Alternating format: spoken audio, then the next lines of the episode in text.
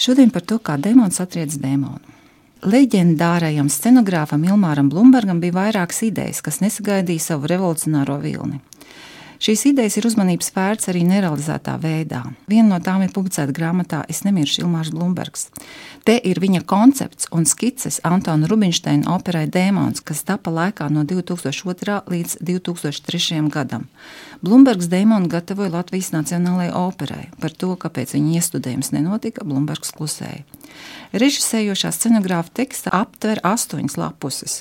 Scenogrāfijas apraksts aizņem tikai puslapusi. Kritiķis Normans Naumans gaidāmo opusu reklamēja.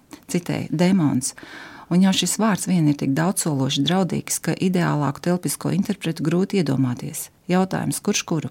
Opera Blūmberga vai Blūmbergs opera, allaž visiem prātā. Dievu un cilvēku rotaļas turpinās, citādi beigas.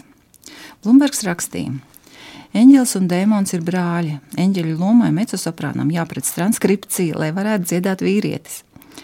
Abiem kostīmi ir balti, bet nevienādi. Izrādi ir par sievieti, par mīlestību, par mūžīgo izšķiršanos, kuru jāizdara katru dienu un katram.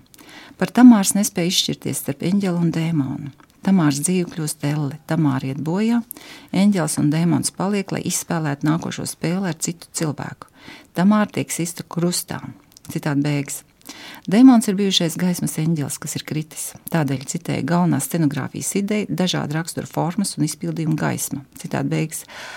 Viņš uzskaita lidlauka gaismu, lampas gar skrejceļa malām, lidojoša lidmašīnas pārnu mirgošanu, policijas un ātrās palīdzības lampu gaismu, kuģa gaismu, dzīvā uguns, vairāk kārt spoguļos atcerojošā gaisma, gaisma ģeometrija, pašspīdoši priekšmeti, salūta gaisma, saules zaķīša gaisma caur koku lapotiem vasarā, zvaigžņu gaisma, zilā gaisma no TV, brīnumsvecīša gaisma, spīdīga bumbu gaisma un citas gaismas, un tumsa, necaurredzama tumsa, ar kuru sāks izrāda un arī beidzas.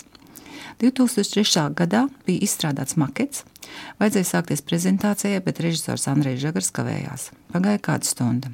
Andrejs Žagars ieradās un paziņoja, ka viss būs citādi. Scenogrāfs nedrīkst apsteigt režisoru.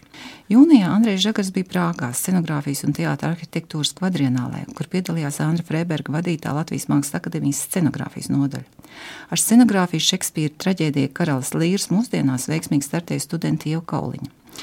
Toreiz Latvijas vēstniecība visiem studentiem, un tur bija autobus ar studentiem, uzsauca karstās pusdienas.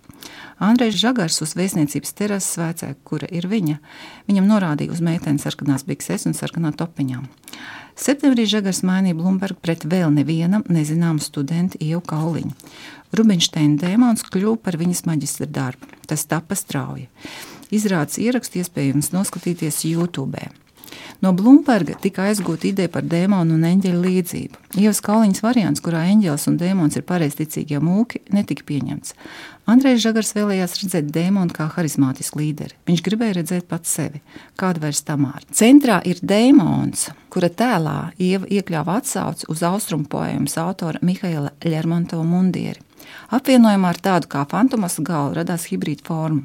Arī eņģelim ir mundieris, bet tas tika apvienots ar pareizticīgu mūku izskatu. Scenogrāfija trīs līmeņos vedināja domāt par pasaules hierarhiju.